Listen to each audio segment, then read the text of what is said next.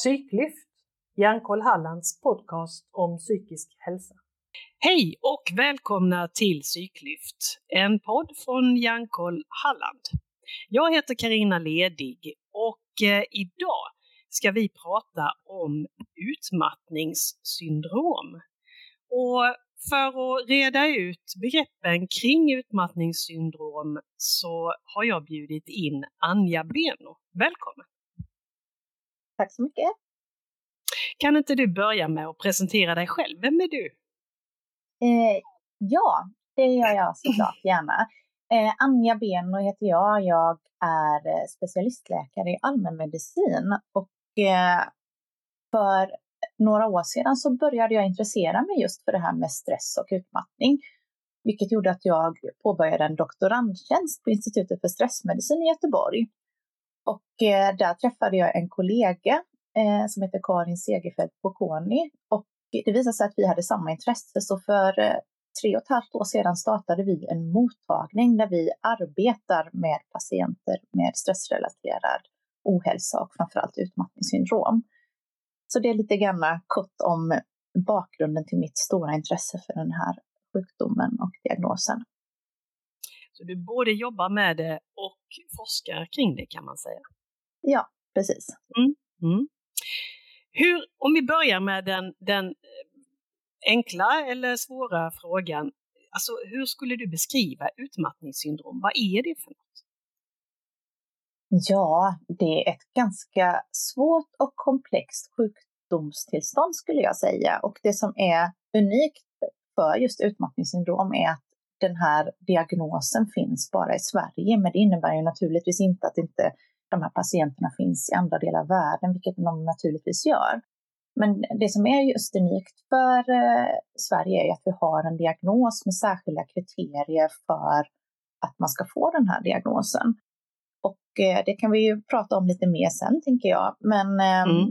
det kännetecknas ju oftast att man haft en långvarig stressbelastning som har föranlett att någon har blivit sjuk. Och eh, det ger ju oftast en ganska komplex sjukdomsbild och diagnosen är inte alltid så lätt att ställa till en början skulle jag säga, utan det handlar om att man behöver eh, vara lyhörd och lyssna på patienten som man träffar och eh, följa förloppet. Eh, och ibland så kan det vara ganska enkelt att eh, se att det här rör sig nog om ett utmattningssyndrom. Ibland kan det vara ganska svårt att säga om det är en annan bakomliggande sjukdom eh, som ställer till det och ger likartade symptom. Eh, mm. Så man behöver eh, vara lyhörd och utforskande som, som läkare när man träffar de här patienterna. Hur ser symptomen ut då?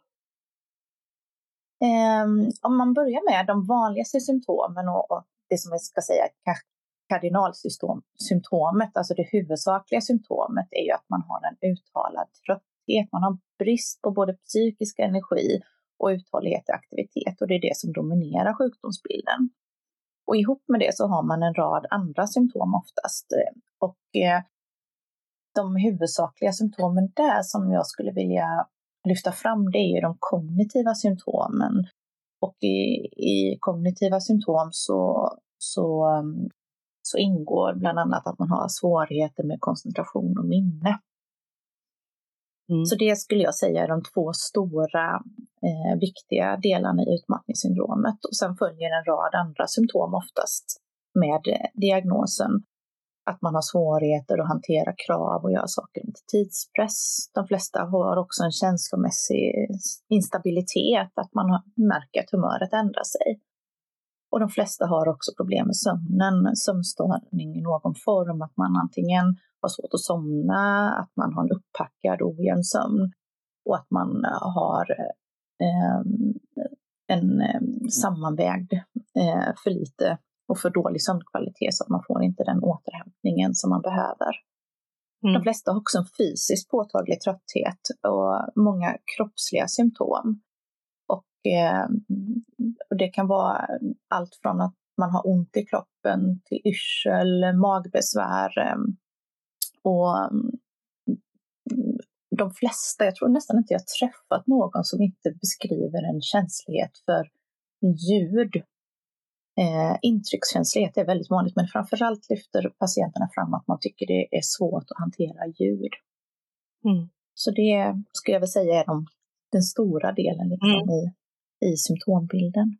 Mm. mm.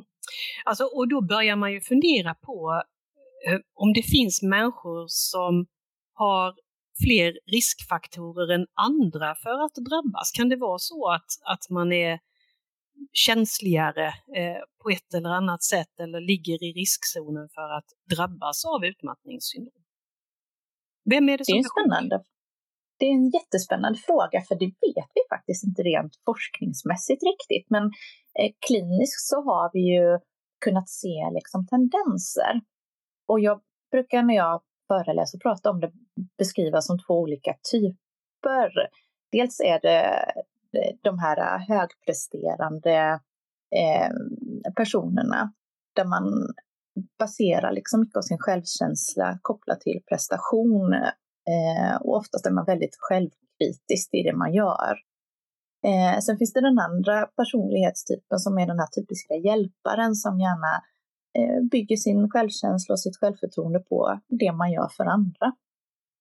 Och vi har ju sett att det finns liksom en i en studie har vi kunnat ändå se liksom att det finns drag av perfektionist hos de som blir sjuka.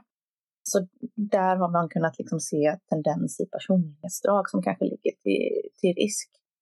Eh, men jag tycker att de patienter jag, jag träffar i alla fall, de är ju oftast väldigt ambitiösa och högpresterande. Det, jag brukar säga det, att det är inte latmaskarna som blir sjuka i det här, utan det är de duktiga, ambitiösa, driftiga personerna som mm. ställer upp och arbetar hårt eh, i olika sammanhang. Eh, mm. Antingen på en arbetsplats eller att man har saker i privatlivet som man eh, engagerar sig väldigt starkt i. Mm. Och nu är du inne och, och, och nuddar vid någonting som jag också har funderat på. Det där om det verkligen är enbart arbete som, som gör att man blir utmattad eller om det är en, en hög belastning totalt sett, det vill säga det kan lika gärna vara så att man har mycket både, både på jobbet och hemma eller kanske mest hemma men det går inte att sjukskriva sig från privatlivet. Hur ser du på det? Nej. Jag tycker det är en jätteviktig eh, aspekt. Vi har på Institutet för stressmedicin faktiskt kartlagt vilka stressorer som är vanligast bland patienter med utmattningssyndrom. Och ehm, då har man sett, eh, om man delar in det i arbetsrelaterade och privata stressorer, dels att man har stressbelastning, oftast en kombination av både privata och arbetsrelaterade stressorer. Och eh, de som är vanligast ehm, bland de arbetsrelaterade är just att man har höga kvantitativa krav, att man har för mycket att göra. Och även att man har höga emotionella krav, alltså känslomässig belastning i arbetet. Men också eh, bristfälligt ledarskap är ganska vanlig eh, stressbelastning eh, hos den här patientgruppen. Eller att det förekommer konflikter på arbetsplatsen, omorganisation, man kan ha en dålig fysisk arbetsmiljö, en otrygg anställning, oregelbundna arbetstider eller liknande. Så det är sådana saker som oftast ligger till grund när det finns en koppling till arbetsrelaterad stress. Eh, och bland de privata så är det framförallt eh, relationskonflikter som är bland de vanligaste stressbelastningen. Men även vård av anhörig och eh, enligt min kliniska erfarenhet är det ju det absolut vanligaste orsaken till privat stressbelastning, att man har en anhörig, oftast ett barn med särskilda behov. Eh, vanligast är ju att man har en MP-diagnos, alltså neuropsykiatrisk diagnos som ADHD, ADD eller autism. Men även ekonomiska bekymmer, eh, inte minst nu under en tuffare eh, ekonomisk eh, tid som, som har kommit senaste året nu, inte minst. Mm. Mm. Men också separation och skilsmässa liknande som, som kan påverka. Mm. Så där, där har vi ett stort spann av olika saker Mm. Och oftast kan det ju vara liksom att man har en sak och så händer det en sak till och sen så kommer en sista grej som får bägaren att rinna över för den här patientgruppen. Just det. Mm. Mm. Eh, du nämnde lite problematiskt, eh, att det kan vara problematiskt att ställa diagnosen. Eh, men att mm. det finns vissa diagnoskriterier och även vissa DIF-diagnoser, alltså diagnoser som man kanske ska särskilja ifrån för att inte förväxla det. Hur, hur resonerar ni där? Vad, vad är kriterierna? Ja, huvudkriteriet eh, för, ehm, för utmattningssyndrom det är ju att man ska ha haft symptom under minst två veckor innan insjuknandet, att man har börjat känna av eh, fysiska och psykiska symptom. Och att det ska utvecklas till följd av flera, en eller flera identifierbara stressorer. Och att den här stressbelastningen den måste ha pågått under minst sex månader. Och utöver det så är andra huvudkriteriet eh, att man har en påtaglig brist på både psykisk energi och uthållighet. Så mm. det är två huvudkriterier för diagnosen. Och sen efter det så följer det bidiagnoser, bland annat det som jag nämnde med eh, kognitiva symptom, med koncentration och minnessvårigheter, eh, stresskänslighet, svårighet att hantera krav, eh, att man har en känslomässig labilitet, instabilitet, sömnstörningar och även en kroppslig fysisk uttröttbarhet.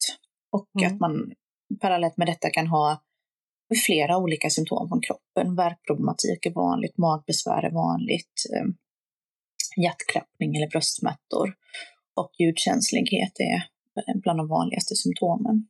Eh, och sen är det ju också det att de här symptomen ska orsaka ett kliniskt signifikant lidande, det vill säga att det nedsätter funktionen markant både i arbete, sociala sammanhang eller andra viktiga avseenden i den här personens liv. Mm. Man behöver också utesluta att det beror på någon annan bakomliggande sjukdom eller eh, till exempel en missbruksproblematik. Så därför behöver man, eh, som vi säger, differentialdiagnostiskt också säkerställa att man inte har någonting annat som orsakar de här symptomen. Mm. Är det miss... Ja, förlåt. Ja, nej, det, det är jag jag, är, det, är det missbruk då som, som är, är liksom den eh, differentialdiagnos som ni oftast funderar på? För jag tänker mycket av de symptomen som du beskriver skulle ju kunna hänga ihop med någon form av eh, cancer, malignitet eller någonting liknande också kanske, att man blir påverkad, allmänpåverkad på det sättet. Och det finns säkert fler diagnoser som, som kan stämma in på det. Ja, och därför är det så viktigt att man gör en noggrann undersökning och att man värderar alla de här symptomen. Och som vi brukar säga på läkarspråket, vi eh, spanar efter röda flaggor, alltså varningssignaler för att det skulle kunna vara eh, till exempel en, en cancersjukdom eller eh, en eh, begynnande diabetes eller liknande. Så att vi tar alltid en del prover vid nybesöksutredning på patienterna och vi brukar också göra en klinisk undersökning där man undersöker fysiskt, eh, lyssnar på hjärta, lungor, eh, känner på lymfkörtlar och sköldkörteln och neurologiskt gör en bedömning. Mm. Eh, bara för att skapa sig en helhetsbild. Um, och många, om man ska säga differentialdiagnoser som är um, somatiska sjukdomar, alltså kroppsliga sjukdomar, så är det många som eh, funderar kring om det är en hypotyreos, alltså en underfunktion av sköldkörteln som kan ge likartade symptom. Eh, så det är en, en sån grej som vi ofta tittar på, men eh, handen på hjärtat sällan hittar. Mm, mm. Men de ska vi inte missa, för de kan man ju naturligtvis då behandla och hjälpa på ett helt annat sätt. Mm.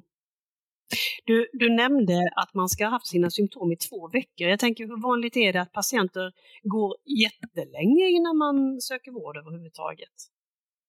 Jag skulle säga att det är det vanliga, att man går under eh, lång tid innan man söker vård. Eh, många kan hålla på och ha symptom under flera år och att man har känt av olika signaler som man kanske inte riktigt ens har kopplat till att det skulle vara stressrelaterat. Och det är inte ovanligt heller att man söker vården för olika symptom. Man till exempel kanske har besvär från magen så söker man för det. Man kan ha huvudvärk eller sömnbesvär eller eh, ja, ångestproblematik eller liknande. Så man, värk i kroppen inte minst, det är jättevanligt. Eh, så att man kan ha haft symptom under lång tid. Men eh, varken man själv eller den man kanske har sökt vård för har kanske gjort kopplingen att det här kan vara kopplat till, till en stressbelastning. Mm. Så det är intressant att se eh, och vi håller också på att genomföra en studie nu när vi försöker kartlägga eh, hur, um, hur sökmönstret har sett ut innan man har sökt för och fått andra diagnoser innan man har insjuknat i sin utmattning. Um, så det är på gång att vi tittar på mm. detta. Spännande. Hur ser mm. förloppet ut vanligen när, när ni har träffat eh, patienten då, eller du har träffat patienten? Hur, hur ser förloppet ut? Kan du beskriva det? Mm. Och det är väldigt olika beroende på vem man träffar naturligtvis. Vi har ju ett upplägg som, som vi har på vår mottagning, hur vi jobbar med patienterna. Men oftast så när man väl har satt diagnosen eller fastställt att det rör sig om ett utmattningssyndrom så behöver ju de flesta få en hel del information. Man behöver upprepa den informationen för att man ska kunna ta till sig. För oftast har man svårt kognitivt att komma ihåg och ta in allting. Så att man behöver ge en trygg miljö där man ger information vid upprepade tillfällen. Och det viktigaste i början är ju framför allt att man får ner stresssystemet, att man får lugn och ro och vila och återhämta sig. Och att man får eh, ordning på sådana här basic saker som jag kallar det för, som sömn, mat och rörelse det, det är liksom prio ett när man, när man är sjuk. Sen finns det ju olika grader. Vi har ju inte en gradering av symptomen som mild eller måttlig eh, utmattning som man har till exempel vid depression. Men man kan ju se hela spannet av eh, hur sjuk man är. Om de som är svårast sjuka klarar ju oftast inte arbeta, så där är ju en hel sjukskrivning absolut nödvändigt. Men det finns de som har lindrigare symptom och möjlighet till olika anpassningar eh, i arbetet som gör att man kan vara kvar i arbete eller jobba deltid. Eh, mm. Men huvudsaken är att man får utrymme till återhämtning under, under en period för att komma ikapp. Mm. Hur lång tid kan det ta innan, alltså hur, hur lång tid tar det i, innan en sån person blir återställd och blir man helt återställd eller finns det spår kvar utav den här känsligheten till exempel? Ja, eh, det är väldigt olika. Ehm, vi har ju gjort långtidsstudier på Institutet för stressmedicin eh, för de här patientgruppen och vi har följt den upp till 7 till 10 år. Och om man ska se till eh, vilka som blir återställda så vet vi inte riktigt exakt eh, vad som urskiljer vilka som blir friska och vilka som har kvarvarande symptom. Men runt en fjärdedel har efter sju år kvarvarande symptom på utmattning, så att man uppfyller eh, på skattningsskalor Eh, så pass många poäng på de symptomen som man skattar för att man kommer över brytpunkten för att eh, ha kvarvarande symptom på utmattning. Eh, så att det verkar som att vi har en grupp som inte blir fullt friska. Och eh, de vanligaste symptomen som kvarstår är just de här kognitiva symptomen. Oftast blir man bättre när det gäller de kroppsliga fysiska symptomen relativt snabbt, får jag säga. Av de långtidssjuka så brukar symptomen gå tillbaka inom ett, ett och ett halvt år för de allra flesta. Det är värk i kroppen som kan vara lite mer långdraget, men de andra symptomen brukar klinga av relativt snabbt. Men det som kvarstår är framför allt minnessvårigheter, koncentrationssvårigheter, trötthet och inte minst stressintoleransen. Och det tycker mm. jag framförallt stressintoleransen är ju det som är mest eh, i störst omfattning kvarstående vid långtidsuppföljning. Mm. Och det är ju lite spännande också att fundera på vad, vad är det som händer egentligen i kroppen när man har en sån här utmattningssyndrom? Både du pratade om det här att man behöver låta stresssystemet eller stresspåslaget liksom få, få lite återhämtning. Eh, mm. och kan, du, kan du förklara lite, vad är det som händer med ett sånt stresspåslag, både i, i kroppens signalsystem men även i hjärnan kanske? Ja, rent allmänt så är vi designade för att vi ska få liksom eh, vid en stressbelastning ett eh, ändamålsenligt eh, påslag i kroppen med både fysiologiska och biologiska omställningar som gör att man klarar av att hantera stressbelastningen. Och eh, det innebär bland annat att stresshormoner som eh, kortisol och adrenalin och noradrenalin går upp. Eh, men kroppen har ju också ett system som så, då, så småningom ska nedreglera det här. Och det brukar ju normalt eh, sköta sig självt och fungera, men om man hela tiden putsar på här liksom, så, så blir det till slut en obalans. Men vi har ju gjort ganska mycket forskning kring vad som händer i kroppen rent fysiologiskt och vi har hittills inte riktigt kunnat hitta några eh, som vi kallar det biomarkörer, alltså någonting som vi kan mäta och säkert säga att det här är kopplat till utmattningssyndrom. De här eh, eh, värdena blir eh, tydligt avvikande. Eh, många funderar ju på det här med kortisol till exempel och undrar om man kan ta prover för det, men det är så svårt att urskilja, dels för att det är ett provvärde som varierar under dygnet och också varierar mycket individuellt. Så vi har inte kunnat se någon koppling till eh, graden av eh, sjukdom eh, vid en utmattning och inte heller att det är användbart att följa ett förlopp. Så tyvärr så har vi inga bra sätt att mäta det här på. Men eh, därmed inte sagt att det händer någonting i kroppen, för uppenbarligen så sker det ju en, en, en omställning vid långvarig stress som vi kan se mm. utifrån de symptom man får. Och om man ska titta på hjärnan som jag tycker är jättespännande så har man också gjort lite forskning när det gäller Eh, vad som händer i hjärnan. Och eh, det är väldigt små studier så vi kan inte dra några stora slutsatser än idag. Men eh, det finns bland annat eh, studier där man har gjort magnetkameraundersökning av hjärnan där man har sett förändringar i delar som är kopplade till de områden som är påverkade vid stress. Och bland annat så är frontalloben, nu pekar jag här, men eh, mm. frontalloben som sitter i framdelen av huvudet påverkar. Eh, och det området hjärnan sköter ju mer komplexa saker som att eh, ha impulskontroll, fatta beslut och eh, det har liksom en övergripande funktion. Och då kan man ju förstå om man faktiskt ser en påverkan där att, att det här är, är ju någonting som vi också ser kliniskt hos våra patienter, att det här är saker de har svårt med. Mm. Och i den mindre studie som är gjord har man också sett när man har följt upp de här patienterna att de här förändringarna verkar gå tillbaka. Och det är ju det häftiga med hjärnan, att hjärnan är plastisk, den är föränderlig, den kan läka. Och det brukar mm. vara en viktig sak tycker jag för mig att skicka med patienterna när man känner att det är ganska hopplöst och långdraget och varför blir det aldrig bra? Att hjärnan har förmåga att läka och förändra sig över tid och förbättras. Men för många tar det väldigt lång tid. Och det verkar också som att det finns en grupp som har kvarvarande symptom så att eh, en mm. full mm. återhämtning kanske inte alla får i förhållande till detta men eh, majoriteten blir så pass bra att man återfår stora delar av de viktiga funktionerna i livet i alla fall. Mm.